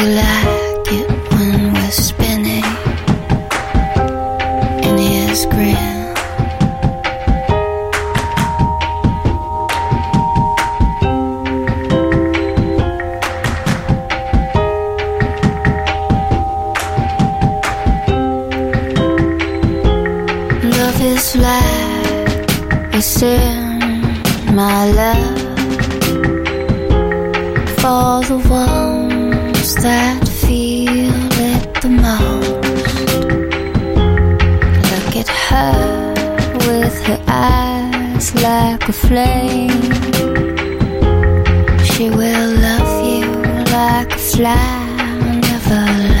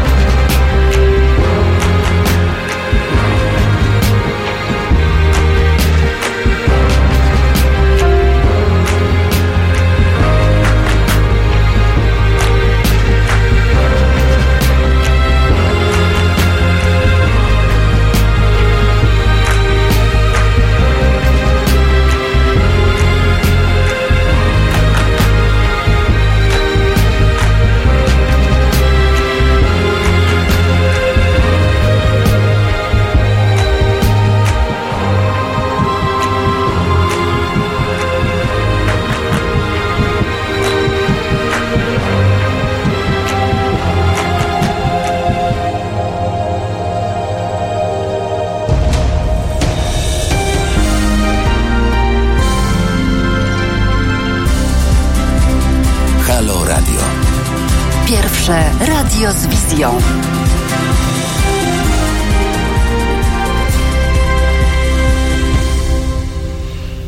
Ponownie dobry wieczór. Renata Gluza przy mikrofonie, a w studiu wciąż jeszcze Jacek Turczyk e, i Agata Kubis. Jacek Turczyk, zawodowy fotoreporter, Agata Kubis, no właśnie, fotografka streetowa.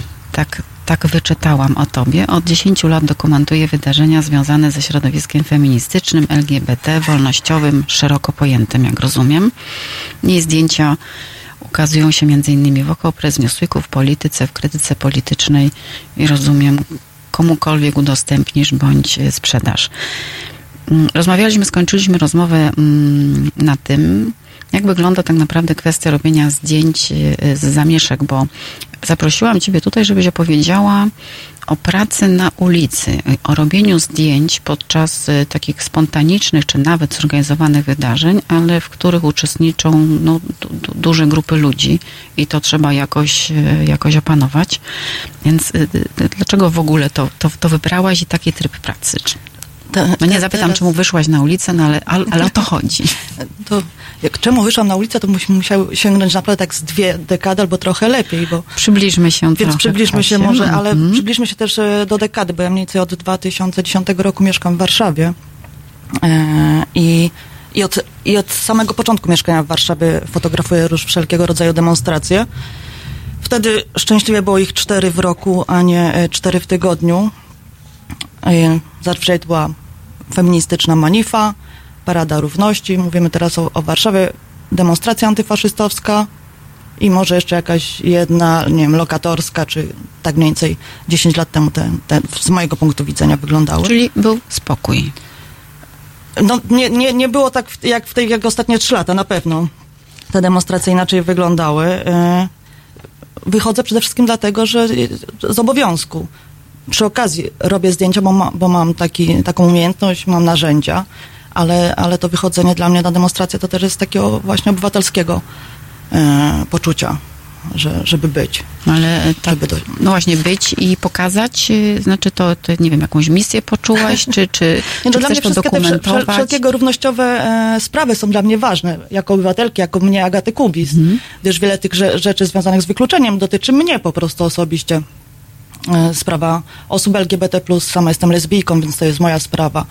E, sprawa e, dotycząca antyfaszyzmu, to też jest moja sprawa, więc za tym, że ja idę na taką demonstrację, tam nie wiem, 10 lat temu, moje, to, to, to, to dotyczyło przede wszystkim też mojego własnego życia. Okej, ja rozumiem pójść na demonstrację, ale y, dlaczego fotografować, dokumentować? Bo, bo mam tą umiejętność. No, przychodzą osoby, które potrafią doskonale przemawiać, przychodzą osoby, które, nie wiem, potrafią opisać. Później to wydarzenie ja potrafię udokumentować, zrobić zdjęcia, no i, i, i to robię. Te marsze w ostatnich latach się stały troszkę inne niż wtedy, prawda? Troszkę bardziej niebezpieczne. I niebezpieczne, no przede wszystkim też częstotliwość ich wzrosła strasznie. Nie wiem, lipiec zeszłego roku, gdzie pod Sejmem, Senatem większość z nas spędziła noce i dnie, więc to też było dosyć e, wyczerpujące fizycznie i, i, i, psychicznie. E, niestety ostatnie demonstracje związane właśnie ze środowiskiem LGBT są dosyć niebezpieczne. Myślę tu o Białymstoku i Lublinie i zeszłoroczne e, marsze i, i tegoroczne. Y, No, chyba niedawno byłaś na Marszu Równości w Lublinie i to w ciebie, dobrze Tak. pamiętam, jeden z homofobów rzucił puszką w, z napojem, prawda? Y, zniszczyli ci obiektyw. No, na jak szczęście sprzętu mi nie zniszczyli, Aha. ale paradoksalnie ten sprzęt uratował mi twarz, bo gdybym faktycznie opuściła ten aparat chwilę wcześniej, to, y, to tą puszką pełną na, z napojem bym dostała prosto w twarz. Tak to dostałam w obiektyw, mam tylko małą bliznę na, na czole, więc nie skończyło Widać się... jeszcze? Mhm. Nie skończyło jakoś się bardzo tragicznie, ale to było takie pierwsze moje doświadczenie, że ktoś faktycznie, intencjonalnie i tak y, z całą siłą i przemocą rzuca we mnie czymś. Bo zupełnie jest inna sytuacja, gdzie chwilę wcześniej latają butelki, gdyż e, banda, banda chłopców, która przyszła tam e, kontrmanifestować, rzuca w policję butelkami, no to jakby spodziewam się, że mogę rykoszetem oberwać. A to, to było takie bardzo intencjonalne i to było pierwsze takie moje zdarzenie z taką silnym odczuciem przemocy skierowanym bezpośrednio e, we mnie. Mhm. No ale y, czujesz się bardziej niebezpiecznie, rozumiem, tak? Teraz y, i Przede wszystkim takim czuję się bardziej e, zła, wściekła niż bardziej niebezpieczna. Niebezpiecznie to się czuję codziennie, jak jadę rowerem po ulicy. To dużo bardziej się czuję zagrożona niż, e, niż jak idę na demonstrację. Na pewno jestem dużo bardziej wściekła na tą sytuację, na tą coraz większą polaryzację społeczeństwa. To zakłamanie e, w tworzeniu e, narracji, która się dzieje, która też doprowadza, że te marsze i te kontrmanifestacje są tak silne i tak agresywne. Na to jestem przede wszystkim wściekła. E, Nie tylko, nie tylko marsze równości stały się dosyć, dosyć niebezpieczne dla fotoreporterów, z tego co wiem. E, Też dla fotoreporterów, nie tylko właśnie obywatelskich, ale dla za, zawodowych. To też jest twoje zdjęcie, kiedy Andrzeja Nowickiego policja tam odciągała z kolei na, to był Marsz Powstania Warszawskiego, a jednak było tam gorąco i fotoreportera potraktowano mm, no, dosyć, dosyć No konkretnie, tak, tak. co, tutaj- co doku- dokumentowałaś, prawda? To, to nie wiem, nie mam Właśnie tego Jacek, jak to jest y, jako was, jako fotoreporterów? No, trudno wam się ukryć, no macie aparaty po prostu, no widać was z daleka z waszymi obiektywami. Wiesz co, to jest tak, że zaczęło się od strony tak jakby uczestników marszu, to się zaczęło, marszów różnych manifestacji, to się zaczęło jakieś, no całkiem niedawno, to nie wiem, można w latach to, to liczyć, że zaczęła się taka jakby agresja wobec fotoreporterów. A to, y, że policja w, w, była taka, może nie to, że agresywna, tylko mm, działania podejmowała na przykład najpierw wobec y, y, świadków, czyli fotoreporterów, operatorów kamer. To ja pamiętam 25 lat temu, 20, 23 lata temu, tłumaczył mi jeden z policjantów po akcji pacyfikacji, jak się zamknęli w Ministerstwie Skarbu y, Solidarnościowcy, działacze Solidarności i oni pacyfikowali to, to on tłumaczył mi, że no, pierwsze działanie, czego się ich uczy, to jest w takim wypadku wszystkich, którzy mają kamery, aparaty, odsunąć od imprezy, żeby mogli działać spokojnie i żeby nie było, Znaczy, żeby mogli pracować. żeby mogli pracować, no, żeby spokojnie mogli zrobić to, co mają zrobić, żeby potem nikt im nie mówił, że na przykład ich działanie było agresywne, nie wiem, niestosowne. Krótko mówiąc, żeby nie było żadnego materiału z ich wydarzenia, że jedyny materiał, jaki ma być, to ma być ich materiał. I mówi, że to jest normalna działalność proceduralna, taka, że, że, że oni są y, szkoleni, że mają odsunąć nas. To w jaki sposób odsuną, to już zależy tak naprawdę od charakteru danego policjanta, czy Gata, jak to było? Robiłeś zdjęcie, jak Jędrzeja Nowickiego odsuwano. No, na zdjęciu wygląda to, że Jędrzeja mało... Nie, nie odsuwali, No właśnie. Jędrzeja po prostu wyciągnęli jak bandytę za szyję, za fraki, wyrzucili Dlatego go. mówię, że to wszystko zależy To od tego, czy mamy faceta, który właśnie w tej chwili poczuł się tutaj szeryfem i postanowił zrobić porządek, czy nie. I, i, i, i Ale tyle. mamy coraz częściej te zdarzenia, bo lipcowe Tak. zdarzenia też takie były. Mhm. Bo w lipcu ja też dostałam Opowiedz. dosyć mocny cios od, od policjanta pod, e, pod Sejmem. Chwilę wcześniej dziennikarz Okopres Anton e, Ambroziak też dostał, został przewrócony, gdyż tam policja po prostu szturmowała jak, jak leci, takim szerokim szpalerem. Więc te mm, to są bardzo agresywne, coraz bardziej przemocowe zdarzenia. Ale to jest związane tak naprawdę nie tylko z policją. Jest ogólnie w tej chwili e, Jak pisze Mirko Milesz, kraj agresywnych ludzi. społeczne przyzwolenie jest na siłowe, mm, tak jakby wmuszenie w ludzi swojej racji, swojej narracji. To, to nie chodzi o to, że to policja tak jest, bo tak samo y, ci w Białymstoku próbowali siłą wmusić swoją wizję świata wszystkim innym i tak samo jest, jak się nawet pójdzie gdzieś do, nie wiem, na bazar i zacznie się rozmawiać o polityce, to nagle się okazuje, że no, ci ludzie tak No wiem, agresywnie agresji jest prób- dużo, oczywiście. tak bardzo agresywnie próbują przekonać do swojej racji, że no ja tak nie pamiętam. To, to jest właśnie to jest właśnie to, o czym ja mówiłem a propos mojego zdjęcia tego z, e, z mgłą, że od tego momentu mamy tak jakby dwa różne kraje. Jeden jest taki właśnie e, zasadniczy, agresywny i, i nawet siłą, ale wmusi w nas swoją wizję, a drugi jest ten, ten drugi, ten taki bardziej No dobrze, ale wy musicie pokazywać Ja właśnie trochę- obie wizje. Ja no właśnie, Agata, nie, nie no. do końca rozumiem tą, e, tą twoją wypowiedź, bo gdy mówimy o pokojowym, naprawdę nastawionym Marszu Równości w Białymstoku, gdzie 80% było tam młodzieży, no to o, o jakiej agresywnej... y, Wiesz co, ja Czyli nie tutaj mówię, agresja nie, nie, nie była ze strony ja nie władzy, mówiłem o rozumiem. pokojowej manifestacji i marszu, tylko mówię o tym, że e, ta młodzież, która była tak jak ta, ta, która atakowała tych wszystkich e, ludzi z tęczowymi flagami, oni za wszelką cenę swoją wizję świata będą chcieli wpoić No tak, ale to... wszystkich przeciwników albo, albo słowem, albo siłą. I tego jest coraz więcej. I dlatego mówię, że teraz pójdziesz na jakikolwiek bazar, gdziekolwiek, na targowisko z warzywami i w momencie, gdy się okaże, że jesteś jedna w opozycji w stosunku do tam pięciu ludzi, to y, najpierw zaczną się utarczki słowne, a potem przepychanki, bo wszyscy będą chcieli ci wytłumaczyć, że nie masz racji w sposób bardzo agresywny. Ja o tym mówię. A w dodatku, jeżeli masz na szyi aparat z dużym obiektywem, to wystawiasz się na strzał od razu. Dokładnie. Posłuchajmy teraz Jungle.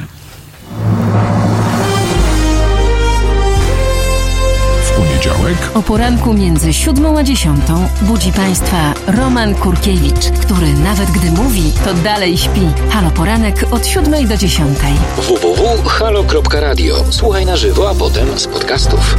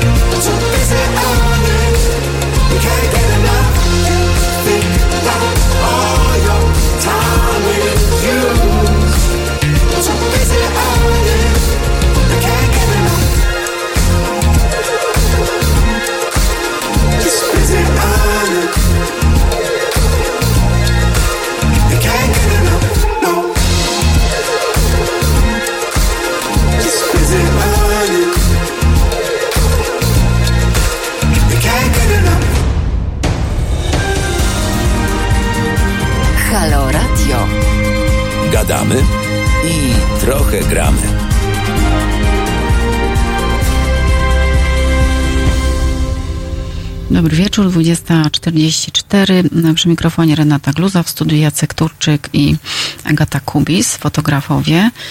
Ja przypominam, że jeżeli ktoś się teraz łączył, a chciałby posłuchać, o czym były bardzo ciekawe rozmowy dotychczas. Będzie można ich odsłuchać e, w podcastach. Nasze podcasty są dostępne już na Spotify, w Google Podcast, w Apple Podcast, na wielu platformach. Proszę zapoznać się z listą choćby na mm, Facebooku Halo Radia. Oraz zachęcam też do, y, do zrzutki. Na portalu zrzutka.pl zbieramy pieniądze na wyjazd Wiktora Batera do Syrii, chcąc jako medium obywatelskie mieć tam jednak y, polskiego korespondenta. Zapewnimy mu oczywiście bezpieczeństwo, ale bez pieniędzy i bez Państwa pomocy nie będzie to możliwe. Y, Agata, powiedziałam już wcześniej, że chciałam że Cię tutaj zaprosić, ponieważ nie udało mi się zaprosić żadnego tak zwanych, jak mówiliśmy, fotografów obywatel, obywatelskich, czyli z osób, które same z siebie mm, chodzą na demonstracje, dokumentują, robią zdjęcia. Rozmawiałam z kilkoma, są to zarówno kobiety, jak i mężczyźni, publikują te zdjęcia na swoim Facebooku bądź udostępniają zdjęcia z wszelkiego rodzaju demonstracji i protestów z ostatnich czterech lat mediom, natomiast nie zgodzili się przyjść. Główny powód bali się bali się pokazać twarz, bo wiedzieli, że to jest radio z wizją, ale bali się też nawet, nawet y, że zostaną rozpoznani po głosie. I to mnie zdziwiło, ponieważ to były bardzo długie rozmowy. Oni mi tłumaczyli, że mm, bardzo często właściwie wiele z ich zdjęć jest, pokazuje policję w niekorzystnym świetle. Że oni dokumentują wykorzystywanie, nadużywanie siły przez policjantów, a potem te zdjęcia są wykorzystywane w procesach sądowych. Ty ich rozumiesz? Rzeczywiście to, te obawy takie są? Wiesz, no, każdy ma jakieś swoje granice i jakąś gotowość na, na pewne sytuacje. Ja bardzo to szanuję. Róbmy tak, żeby czuć się jak najbezpieczniej. Yy, pewnie, że tak. No, troszeczkę jest tak, że straciliśmy sądy. Te sprawy, bardzo dużo spraw jest. Yy, prawie z każdej demonstracji ludzie wychodzą z jakimiś yy, mandatami, tudzież... Poturbowani. Poturbowani, mhm. więc ja też się nie dziwię, że, że chcą zadbać o swoje bezpieczeństwo. Poza tym też bardzo łatwo jest trafić na wiele różnych hejterskich stron. Więc też się nie dziwię, że ludzie raczej się chowają. Wolą niż... pozostać w cieniu. Oczywiście, że tak. I też jeden z powodów, chyba jaki wyczułam, to to, że oni są takimi zaufanymi fotografami tej, tych demonstrantów. Jacek, ty jesteś fotoreporterem, więc oni jak gdyby nie, nie działają tak jak fotoreporterzy, że, że pokazują wszystko, ale jak gdyby pracują też dla tych, którzy, którzy się buntują przeciwko władzy, nie? to jest, to też jest taki, że jeżeli by się za bardzo ujawnili, no to wtedy mogą stracić, no, no nie wiem, no zaufanie tych grup, tak? To jest ważne? Wiesz, Ty masz zaufanie grup, czyli środowisk LGBT, skoro je fotografujesz? Wiesz, my się też znamy od wielu lat, z takich też prywatnych relacji, z, z przygotowań różnych, różnych demonstracji, które też na przykład fotografowałam, jakieś tam przygotowania. Tak, to są jakieś tam wychodzone, wychodzone kontakty, wychodzone sytuacje. I tak sobie nawet myślę o, właśnie o, o obywatelach RP, gdzie oni mają takie swoje, swój krąg e, bliskich, e, bliskich osób, fotografów -hmm. i fotografek. I to są, to są osoby, które będą pierwsze wiedziały o jakichś wydarzeniach. Jeżeli są przygotowywane jakieś wydarzenia, które mają być niespodzianką, e, to, to, to oni będą wiedzieli, a nie, nie zawodowi fotograficy, ani, ani na przykład też e, często nie, nie ja. Ponoć są tam, są czasami tam, gdzie nie ma zawodowych fotoreporterów i taka była chyba sytuacja w Białymstoku, że tam było więcej tych y, obywatelskich niż zawodowych, bo po prostu no, media nie wyczuły chyba. W Białymstoku to już chyba, już chyba nie. Białystok już był no, taki... To spodziewane, bo już był tam, spodziewany. Tam będzie gorące.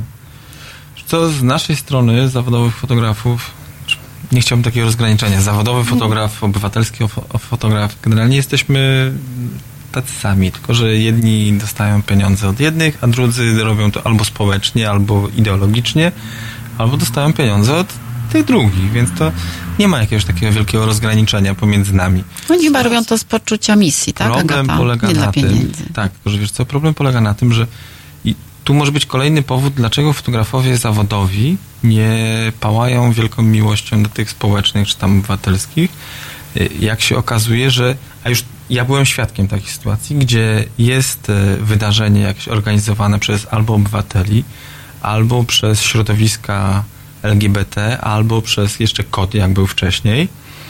I nagle się okazuje, że oni nie wpuszczają gdzieś żadnych fotografów, bo tam mają tylko swoich fotografów. I oni mówią, słuchajcie, tam są tylko nasi i nasi mogą tam zrobić zdjęcia.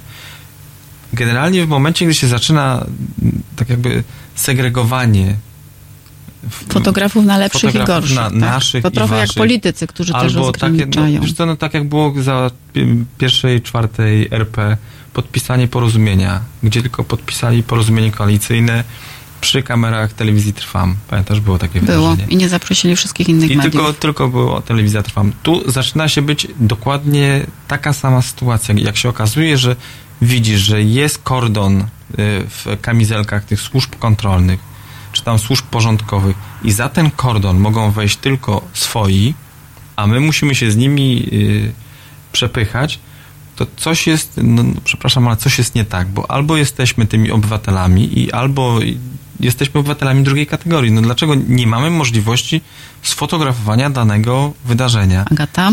Ja się trochę uśmiecham, No, bo, to jest, właśnie. bo to jest przede wszystkim właśnie o, o tym zaufaniu. No to są ruchy oddolne, które się potworzyły. Często się budowały z tym, nie wiem, 5, 10, 20 osób i zanim poznają, poznają oso- osoby, będziemy dalej sobie używać tego rozróżnienia fotograf zawodowy, żeby jakoś e, opisać sytuację, no to pewnie trochę czasu, czasu minie.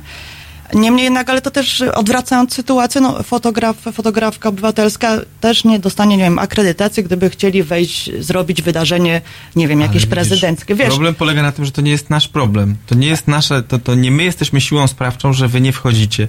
A z drugiej strony to wy jesteście siłą sprawczą, która nas nie wpuszcza.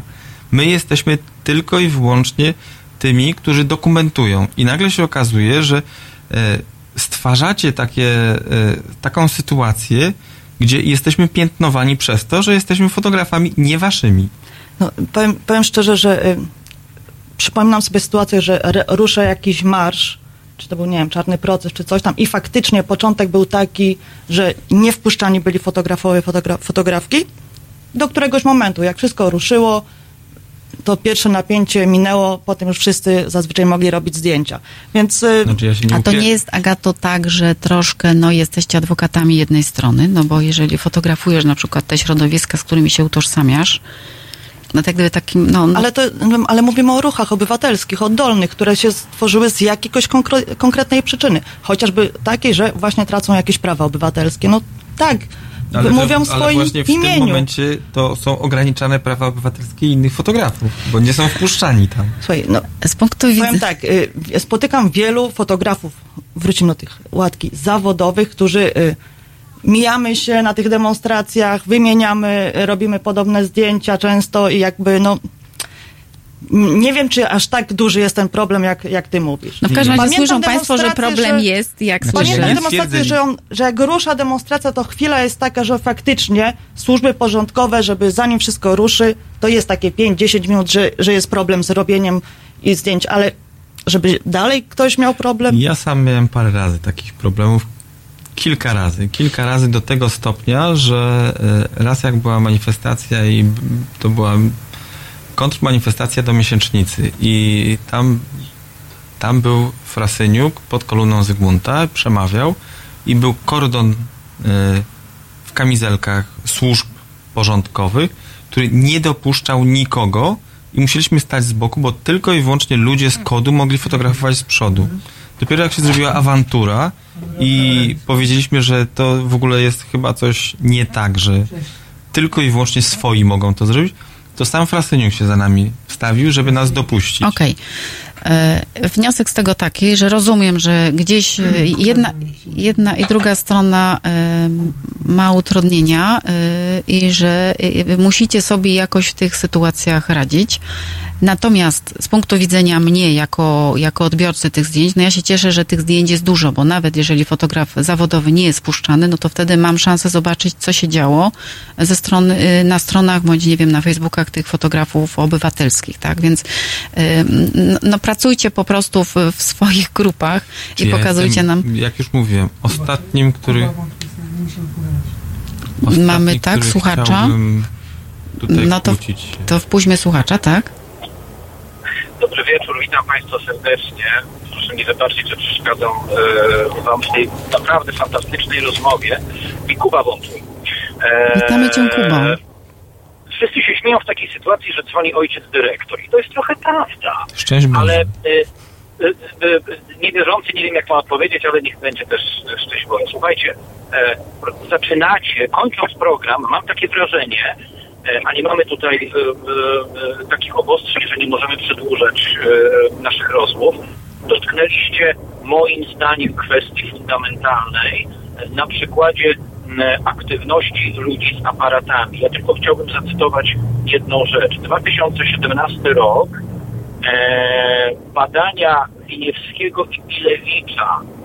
E, My o nich coraz częściej mówimy e, na antenie Haloradia i będziemy mówić jeszcze więcej, ponieważ one dotyczą kwestii dla nas fundamentalnej, czyli kondycji obywatelskiej, społecznej opozycji. Co w tych badaniach wychodzi, mówiąc w skrócie?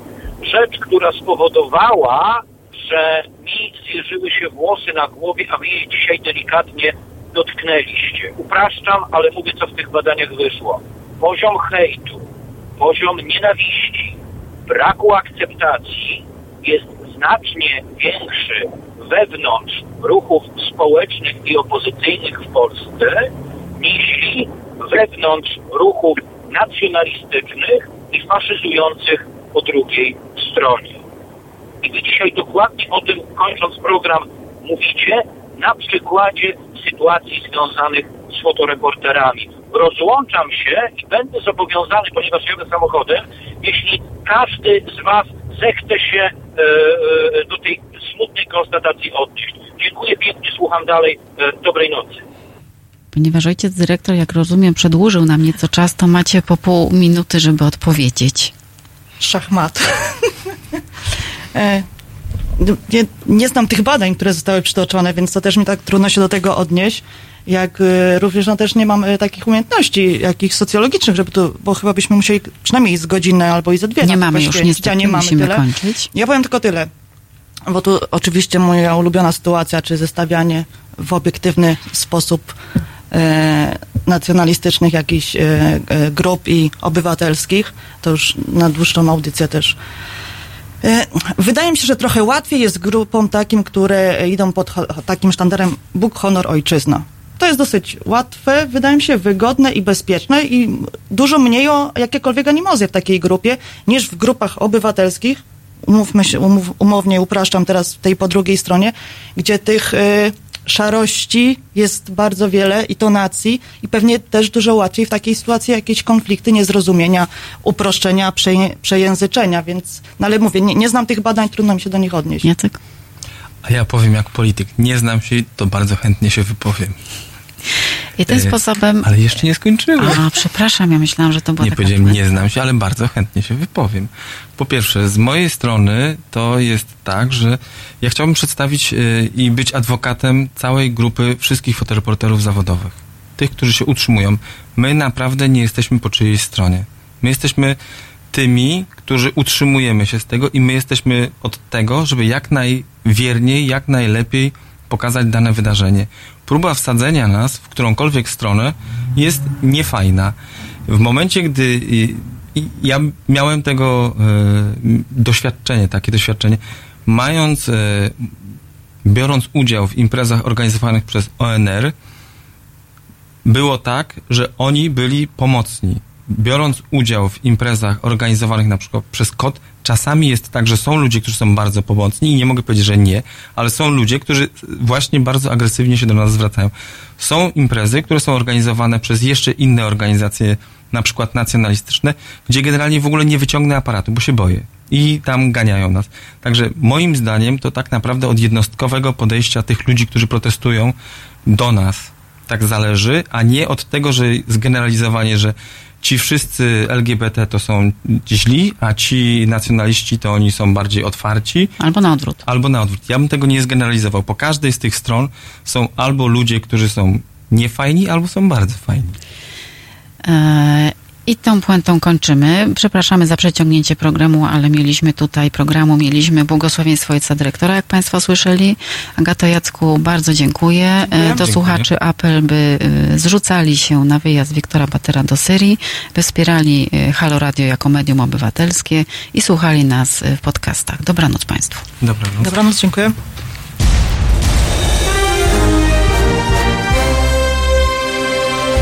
Halo Radio emituje swoje programy na żywo codziennie od 7 do 10 i od 15 do 23. W weekendy od 11 do 23.